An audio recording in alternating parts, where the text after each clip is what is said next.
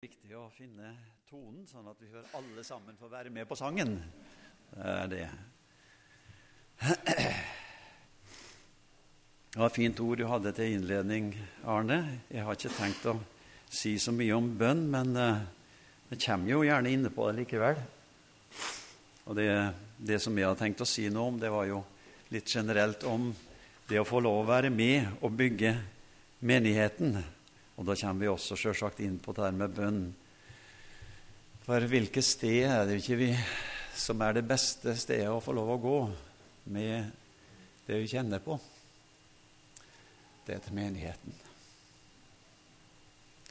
Og der bør det jo være sånn, eller bør vi arbeide for at det skal være sånn, at uh, vi kjenner at uh, her er noen som bryr seg, her er noen vi kan snakke med. Her er noen som uh, har omsorg. Og det blir som et hjem der vi kan få lov å være oss sjøl, samtidig som vi skal få lov å ha tunge dager. Og så skal vi få lov å ha gode dager der vi kan få lov kanskje å være med og oppmuntre andre. Men så er det andre dager vi trenger oppmuntring sjøl. Og slik skal det være i, i menigheten så eh, måtte Jesus få hjelpe oss, slik at, eh, at det ikke er noen høg terskel til å komme og få be om hjelp og forbønn. Eh, Paulus han sier det vi skal be for og med hverandre. For hverandre, da legger vi fram bønnebegjær. Med hverandre, da begynner vi å komme nærmere inn på hverandre. Og vi kan prate eh, eh, sånn på tomannshånd, eh, og vi kan få lov å vise omsorg og hjelpe hverandre på den måten der. Men nå skal jeg eh, ta oss med helt inn i eh, Det gamle testamentet og andre Mosebok, 25. kapittelet. Der står det om å bygge tabernaklet, og da vet dere hva jeg vil hen. Det er ikke først og fremst tabernakelet i Det gamle testamentet som er fokuset, men det er menigheten i Det nye testamentet. Men det er så mye fine bilder fra Det gamle testamentet som vi kan både lære av og synes det er interessant. Og vi vet jo at Det nye testamentet er oppfyllelsen av Det gamle testamentet. I det 25. kapittelet der i andre Mosebok så står det fra begynnelsen Herren talte til Moses og sa:" Si til Israels barn at de skal komme med en gave til meg. Fra hver mann som har hjertelag til det, skal dere ta imot gaven til meg. Og Vi skal bare ta med akkurat det verset der eh, fra begynnelsen av kapittelet. Men så skal vi da altså hoppe til vers nummer åtte og ni. Men vi kan lese opp igjen det første, verset, første og andre verset. Herren talte til Moses og sa:" Si til Israels barn at de skal komme med en gave til meg. Fra hver mann som har hjertelag til det, skal dere ta imot gaven til meg. Også i vers åtte. La dem bygge en helligdom for meg og jeg vil bo midt iblant dem. Tabernaklet og alt som hører til det, skal dere i alle måter lage etter det bildet jeg vil vise deg. Hva er det som uh, står her i vers 8? Jeg vil bo midt iblant dem. Det var det som var grunnen til at Gud ville bygge tabernaklet. Gud ville bo midt iblant dem. Og det interessante er jo at han starta med å si Si til Israels barn at de skal komme med en gave til meg. Altså, Gud ville involvere folket i å bygge sitt hus, sitt gudshus. Og den samme tanken vil du finne igjen i Det nye testamentet. Og det som også kommer fram i det andre verset her fra hver mann som har hjertelag til det. Og vi skal se at det gjelder ikke bare menner, det er menn og damer. Men hva er det som understrekes her? Den som har hjertelag til det.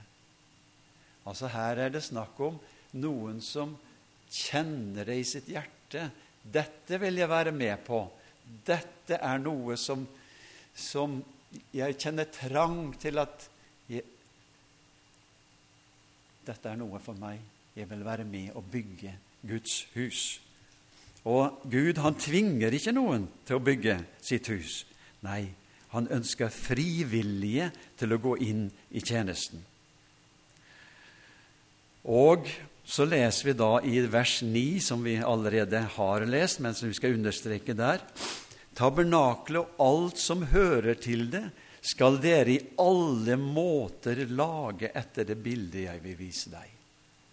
Var, de skulle ikke lage Guds hus etter sin egen tanke, men Gud åpenbarte for Moses på hvilken måte de skulle bygge tabernaklet. Og Årsaken var at tabernaklet det skulle tale om Gud. Det skulle vise Guds karakter midt iblant folket. Og Jeg husker jo at uh, da jeg gikk på Hedmarktoppen, på folkehøgskolen der, så var det vel lærer Marit Landrød som underviste oss i tabernaklet og tok for seg hver enkelt ting i tabernaklet og hva slags betydning det hadde inn i den nye testamentlige menighet. Og det var jo en undervisning eh, som virkelig Ja, du skjønte at her var det ikke tilfeldigheter. Så det er nok en, en tale i seg sjøl. Men eh, altså Gud ville bo midt iblant folket. Og derfor så ville han at de skulle ha det gudshuset. Og så Det skulle tale om hvordan Gud var, men det skulle også tale om folket, hvordan de skulle ha sitt forhold til Gud i orden. Og det var gjennom soning, gjennom offer, slik at de kunne få tilgivelse for synd.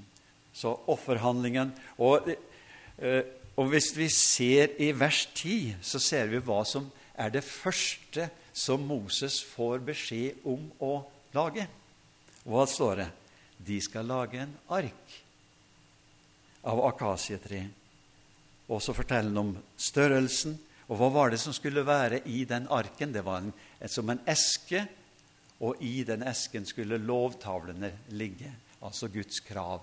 Men på toppen av den esken skulle det være et lokk og der skulle det være to engler. Og hva var det lokket kalt? Nådestolen.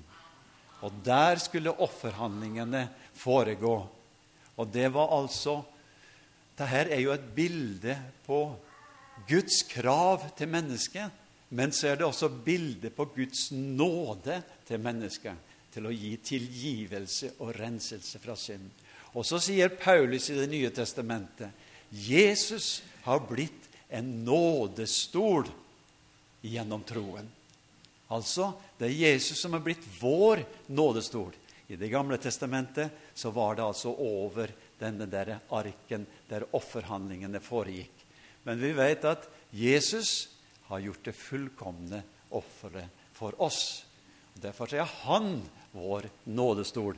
Og det står 'ved troen'. Vi skal få lov å ta imot det av bare tro og så av bare nåde. Og så blir det oss til del. Så det viktigste i, i tabernaklet, det var altså den der arken og nådestolen. Og det viktigste i Guds menighet, det er forsoningsverket gjennom Jesus Kristus. Hvis vi går til andre Samuels bok Hva leser vi der? Jo, vi leser mye der. Men hva er det i, vår, i den sammenhengen her? Jo, det står om David. Han ønska å bygge Guds hus. Ja, det står i det sjuende kapittelet i andre Samuels bok. Kongen bodde nå i sitt hus, og Herren hadde latt ham få ro for alle sine fiender rundt omkring. Da sa han til profeten Natan, Se, jeg bor i et hus av sedertre, mens Guds ark bor mellom telttepper. Natan sa til kongen, Gjør alt det du har i sinne, for Herren er med deg. Men samme natt kom Herrens ord til Natan, og det lød slik. Gå og si til min tjener David, så sier Herren, skal du bygge meg et hus til å bo i? Jeg har jo ikke bodd i hus helt fra den dagen jeg førte Israels barn opp fra Egypt og til denne dag, men jeg har vandret om i et telt, i et tabernakel. Har jeg vel, hvor jeg så har vandret om med alle Israels barn, noen gang talt slik til en av dem som førte herskestall i Israel, en som jeg hadde satt til å vokte mitt folk Israel? Altså, har jeg noen gang sagt Hvorfor har dere ikke bygd meg et hus av sedertre? Derfor skal du si til min tjener David. Og så forteller Gud litt om hvordan han hadde utvalgt David til den tjenesten som han hadde satt den inn i. Og Så kommer vi da på slutten av det til noe veldig interessant. Men vi skal ta med oss det, det som står her nå, når Gud taler til David. Så sier Herren herskarenes Gud. Jeg tok deg fra beitemarken, der hvor du fulgte saueflokken, og satte deg til fyrste over mitt folk i Israel. Jeg var med deg overalt hvor du gikk. Jeg utryddet alle dine fiender for deg, og jeg har latt deg vinne et stort navn, så stort som de største på jorden har det. Jeg vil gjøre i stand et bosted for mitt folk Israel og plante det der. De skal få bo på sitt sted og ikke uroes mer. Urettferdige mennesker skal ikke plage dem lenger. Slik det har vært like fra den dagen jeg satte dommere over mitt folk Israel. Jeg har latt deg få ro for alle dine fiender. Og så kommer det. Og nå forkynner Herren deg at Herren vil bygge deg et hus. Altså Her leser vi om David. Han ønska å bygge et hus for Herren. Men så sier Herren, 'Jeg vil bygge deg et hus'. Og her kommer noe interessant. Vi vet jo at sønnen til David, det var Salamo. Og han fikk lov å bygge tempelet. Og vi skal lese om det. Men så skal vi se at dette er en dobbel profeti. For når vi tenker inn i, det, inn i det, nye testamentet Hvem ble kalt for Davids sønn? Davids sønn, det var Jesus. Ja. Han kommer fra Davids hus og ett, står det når vi leser juleevangeliet. Så her er det noe djupere. Og nå skal vi lese i vers 12. Når dine dager blir fulgt, sier Gud til David, og du hviler hos dine fedre, da vil jeg etter deg oppreise din sønn, som skal utgå av ditt liv, og jeg vil grunnfeste hans kongedømme. Nå tenker vi litt på Salamo. Han skal bygge et hus for mitt navn. Og så kommer det og jeg vil trygge hans kongetrone til evig tid. Der gikk det over til den andre Davids sønnen, som var nettopp Jesus et kongerike som skulle bestå til evig tid, og et Guds hus som skulle vare til evig tid, og så jeg og du skal få lov å være en del av. Ja, takk og lov. Og et kongerike som aldri skal ta slutt. Salomo sitt kongerike, det tok slutt. Men det var ikke det som det står om når det skulle stå til evig tid, men det var det kongeriket, eller det kongedømmet, som Jesus skulle komme med. Ehm, og David, han skjønner her er det noe mye mer enn bare akkurat et jordisk kongerike. Så det står i, fra vers 18 Da gikk kong David inn, altså inn i tabernakelet, inn for Gud. Og så står det og ble der inne for Herrens åsyn. Og han sa, Hvem er jeg, Herre? Hva er mitt hus, at du har ført meg så langt? Og enda var dette for lite i dine øyne, Herre. Og så kommer det. Du talte også om din tjeners hus langt fram i tiden. Ja. David skjønte her her er det noe mye mer enn et jordisk hus det er snakk om. Det, det er ikke snakk om det som jeg ønsker å bygge for Gud, men det er snakk om noe som Gud ønsker å bygge for meg, og ikke bare for meg, men for alle som ville tilhøre ham. Og det var det evige kongedømme og Guds hus som vi og du har fått lov å komme inn i gjennom den nytestamentlige menighet, som David her nå ser fram. Han sa, 'Du talte også om din tjeners hus langt fram i tiden.' Og det er Jesus.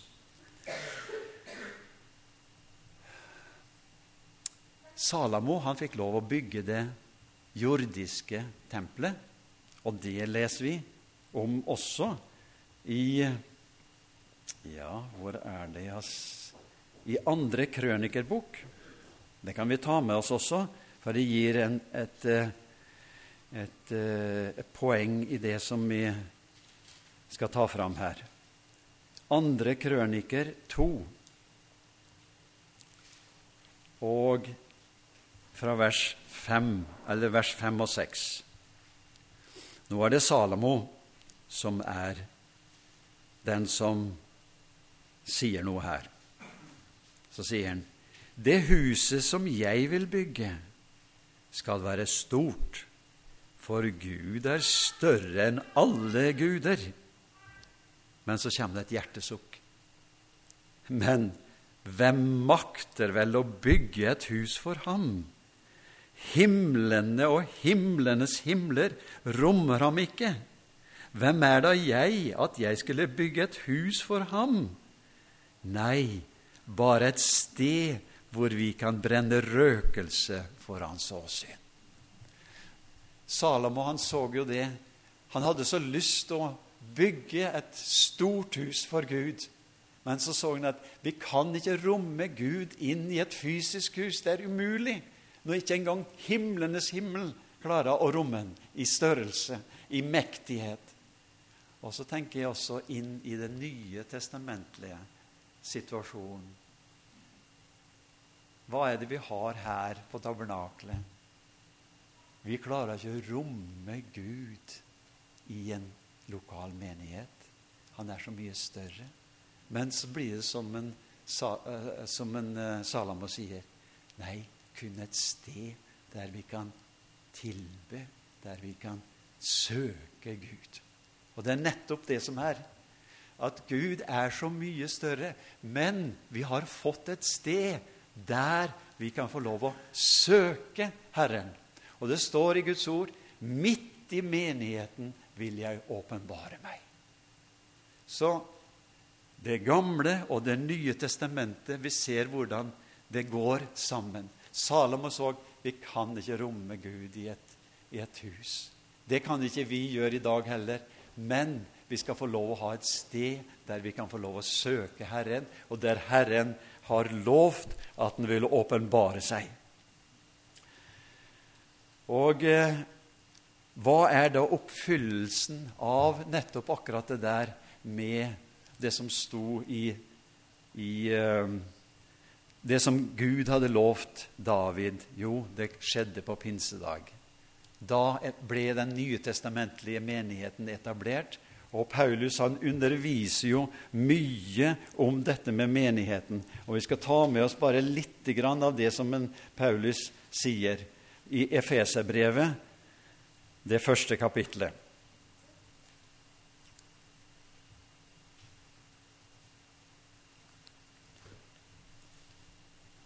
Og der leser vi ifra Ja, jeg tror vi skal ta med oss ifra vers 19 i første kapittelet. Han liksom bare starta inn i en, en, sammenheng der, men vi tror vi finner ut av det likevel, for det står Å, hvor overveldet stor Hans makt er for oss som tror, etter virksomheten av Hans veldige kraft. Og så sier han, det var denne han viste på Kristus da han reiste ham opp fra de døde og satte han ved sin høyre hånd i himmelen. Og så sier han, over all makt og myndighet, over alt velde og herredømme, over hvert navn som nevnes, ikke bare i denne verden, men også i den kommende. Og så står det alt la han under hans føtter og ga han som hode over alle ting til men menigheten. Altså Jesus som har all makt i himmel og på jord, han er altså gitt til menigheten, som er hans legeme, står det. Altså I vers 23 så står det 'som er hans legeme, fylt av ham som fyller alt i alle'. Jesus, han er hodet for menigheten. Og vi skal få lov å være en del av Jesu legeme. Han er gitt til menigheten, og det står faktisk at når vi er samla i hans navn, slik som nå, så er han midt iblant. Tro det eller ei, men han er midt iblant oss. Ja. Og han sa det til disiplene. 'Jeg vil ikke etterlate dere farløse, men jeg vil komme til dere.' Og hvor, hvordan er det at Jesus kommer til oss? Ja, skal, vi veit det så inderlig godt, men jeg skal ta med meg noen flere skriftsteder her. Og det er i Johannesevangeliet, det 14. kapittelet. For vi finner igjen den samme tanken som i Det gamle testamentet, når de skulle bygge, eller når Gud ønska han skulle bygge tabernaklet, så står det Gud ville bo midt iblant dem. Og hva leser vi i, i Johannes evangeliet? det 14. kapitlet.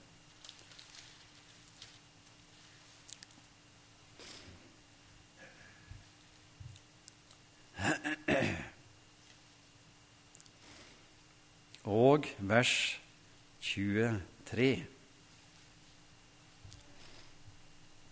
Jesus svarte og sa til ham, Om noen elsker meg, da holder han fast på mitt ord og min far skal elske ham, og vi skal komme til ham og ta bolig hos ham.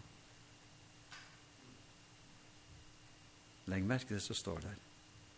Om noen elsker meg, da holder han fast på mitt ord, og min far skal elske ham, og vi skal komme til ham og bo hos ham. Tenk det. I Det gamle testamentet så ønska Gud å bo midt iblant folket. De hadde et sted de kunne gå til, men det var ikke hvem som helst som kunne gå til det stedet.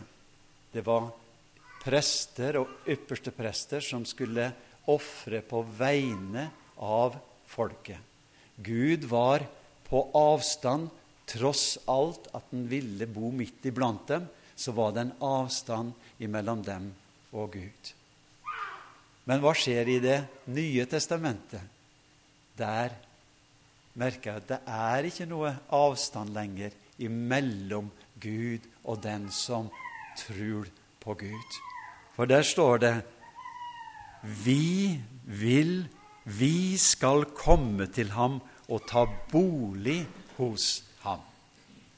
Når vi får lov av nåde og får lov å ta imot Jesus, hva skjer? Jo, da kommer Jesus inn og tar bolig i den enkelte. Og det skjer ved Den hellige ånds hjelp. For da står det at vi er født ikke av manns vilje, ikke av kjøds vilje, men vi er født av Gud ved Den hellige ånd. Da tar Jesus bolig. Da tar også far bolig. For da det står at eh, vi har en ånd som roper 'Abba, far'. Men jeg tror det er litt misforstått, for det er ikke ordet 'Abba' vi skal rope, men det er 'far'. For Abba betyr far. Og den som har fått lov å tatt imot Jesus, det er det mest naturlige far. Ja. Da har du kommet til ba Guds barn-situasjon. Og da står det alle dem som tok imot ham, dem ga han rett til å kalles Guds barn. Og da går det ikke på følelse lenger, men da vet du det, at når du har fått lov å tatt imot Jesus, da har du rett til å kalles Guds barn. Og den retten er din. Ja. På tross av alle følelser, på tross av alle opp- og nedturer. Du har din rett på din side. Du tilhører Gud, du er Guds barn. Og det er av bare nåde. Men det ordet her, det går enda litt videre. For det har med, når vi snakker om det å være med og bygge Guds menighet, som var temaet mitt i dag, det er det der å følge ordet. Fordi at vi las i Det gamle testamentet Bygg tabernaklet etter det bildet som jeg vil vise deg. Og det samme gjelder inn i Det nye testamentet. Skal vi være med og bygge Guds menighet, så må vi bygge etter det bildet som Gud har vist oss. Og hvor finner vi det bildet? Vi finner det i Guds ord. Det er kun én plass vi finner det bildet, og det er Guds ord. Og hva står det om ordet? Det er sju ganger renset, altså sjutallet er et fullkommenhetens tall. Så det er hellig og rent. Og Det står jo om profetene de talte drevet av Den hellige ånd. Så det er ikke hvilken som helst ord vi har med å gjøre. Og Derfor så skal vi ikke skalte og valte med ordet, men vi skal la det få lov å tale til oss, og så skal vi bøye oss under ordet. Og da tror de det at vi får oppleve en Ja, vi får oppleve det at jeg kan regne med Guds omsorg i livet mitt.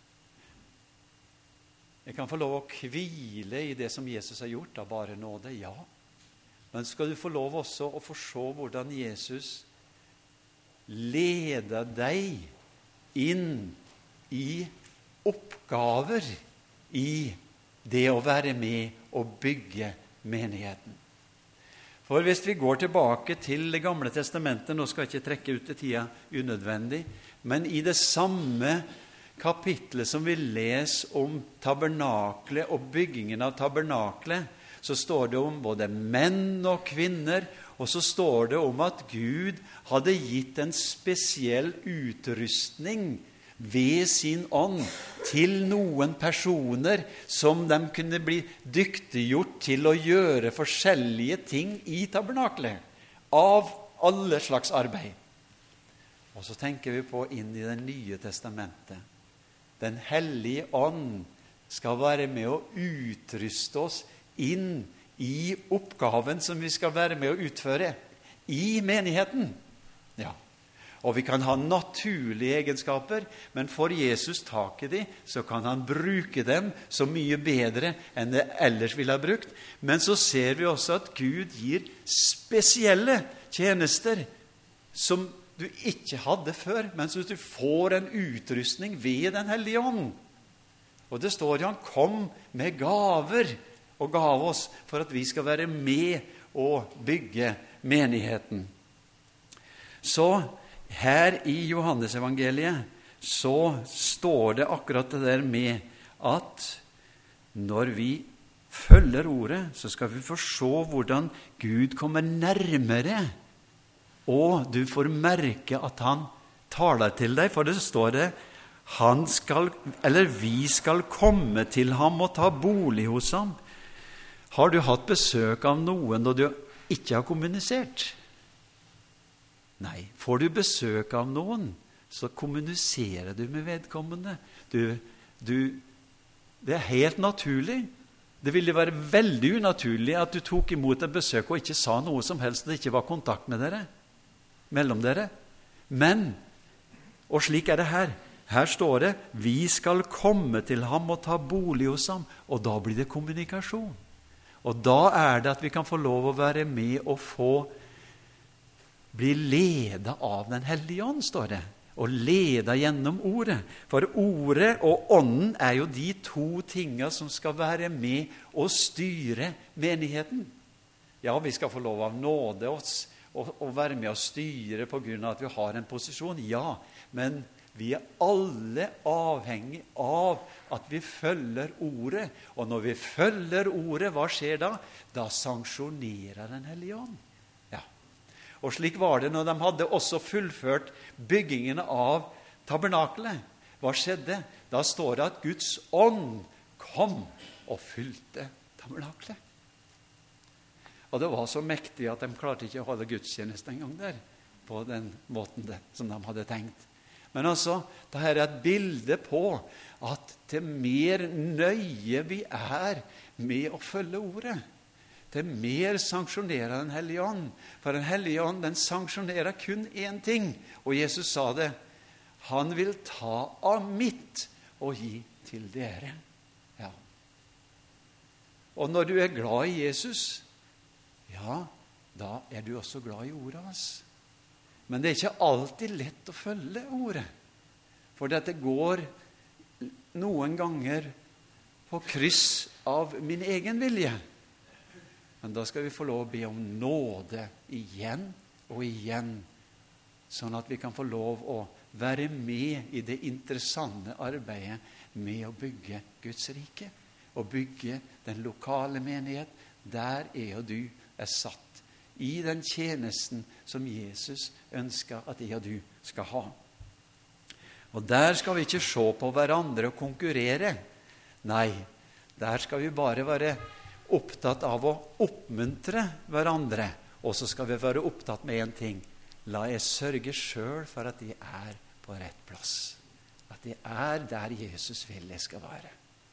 Så blir du ikke så opptatt med hvordan er det med den og den som gjør slik og slik? Men da blir ditt fokus Jesus, la meg få følge deg. Så vil det smitte over på andre. Og Jeg husker i, i menigheten i Molde, der jeg fikk vært med en stund, der var det spesielt én person Det var jo sjølsagt mange der som, som eh, som ble et forbilde, men det var spesielt én som ble et forbilde. Og det var noe med personens karakter som smitta, og du fikk lyst til å være slik. Og måtte det være slik hos oss også, at vi smitter positivt, men vår smitte skal være ifra Jesus. Ja. Og Paulus som sa, 'Følg meg slik som jeg har fulgt Kristus'. Ja. Det er ikke snakk om å følge mennesker, men det er snakk om å følge Jesus gjennom andre som vandrer med Jesus. Så måtte Jesus få hjelpe oss, slik at vi kan være med og bygge menigheten på den måten som Gud ønsker. Ikke konkurranse, ikke misunnelse. Men det står det når ett lem lider, da lider vi alle. Når ett lem lykkes, gleder seg, så gleder vi oss alle. Slik skal det være. Og tenk på legemet med de forskjellige funksjonene som du har på din egen kropp. Noen er synlige og aktive, sånn som er noen som vifter med begge hendene. Men det er noen også som ikke er så synlige. Men ta dem bort. Ville du da fungere? Nei.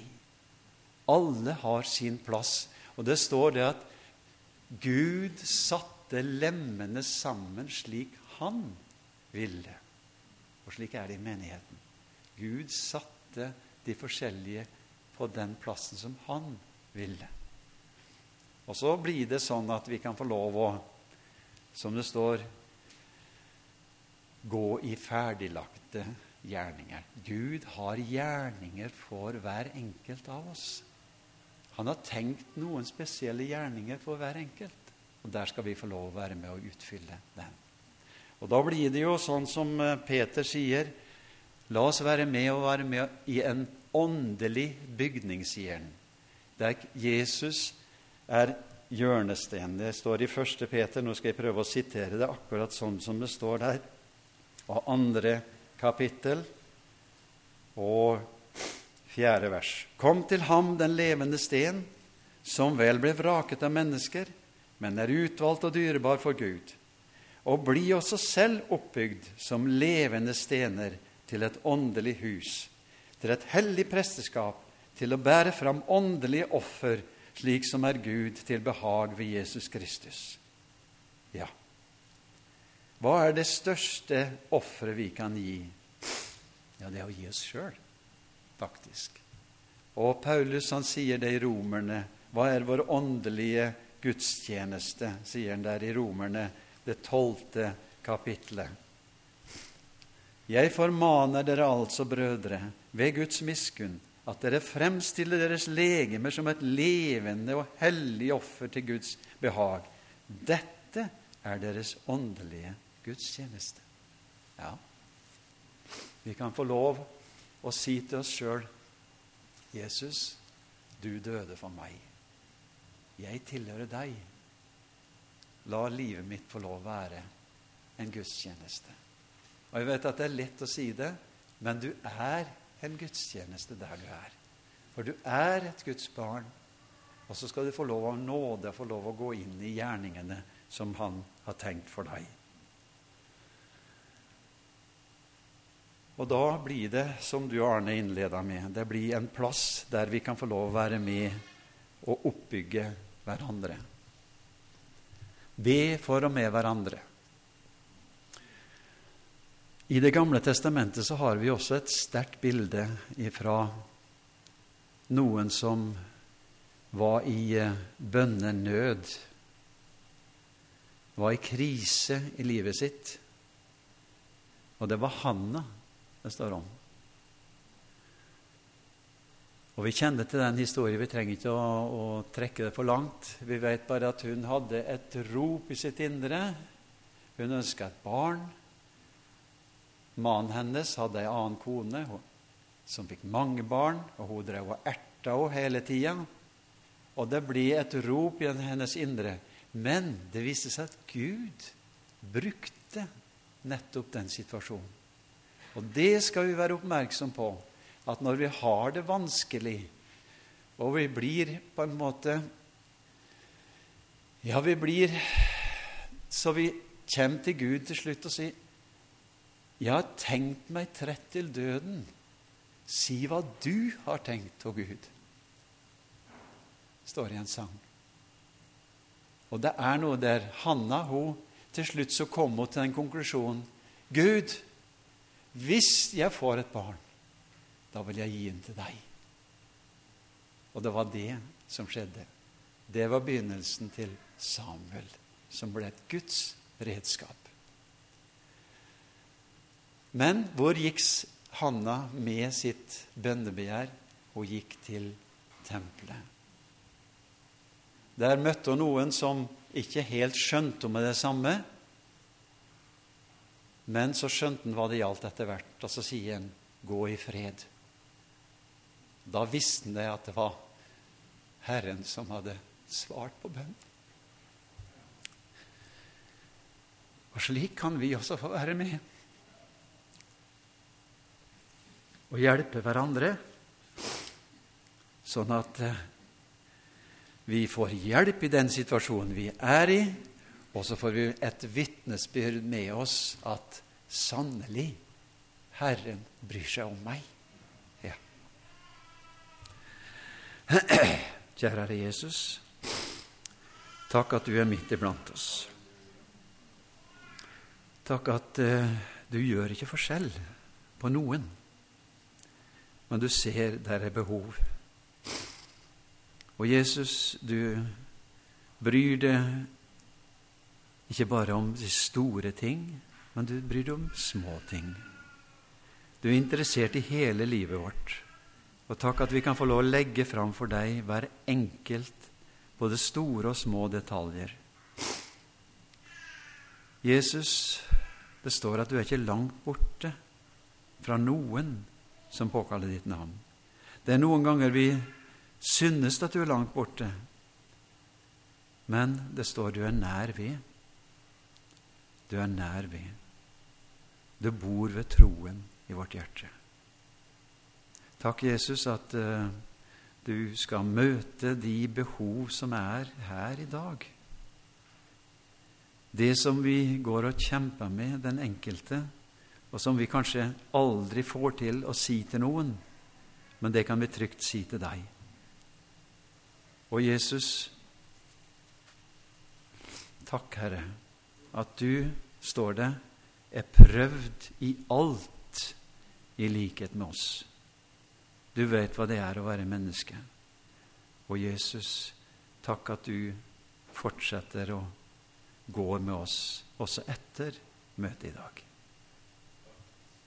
Amen.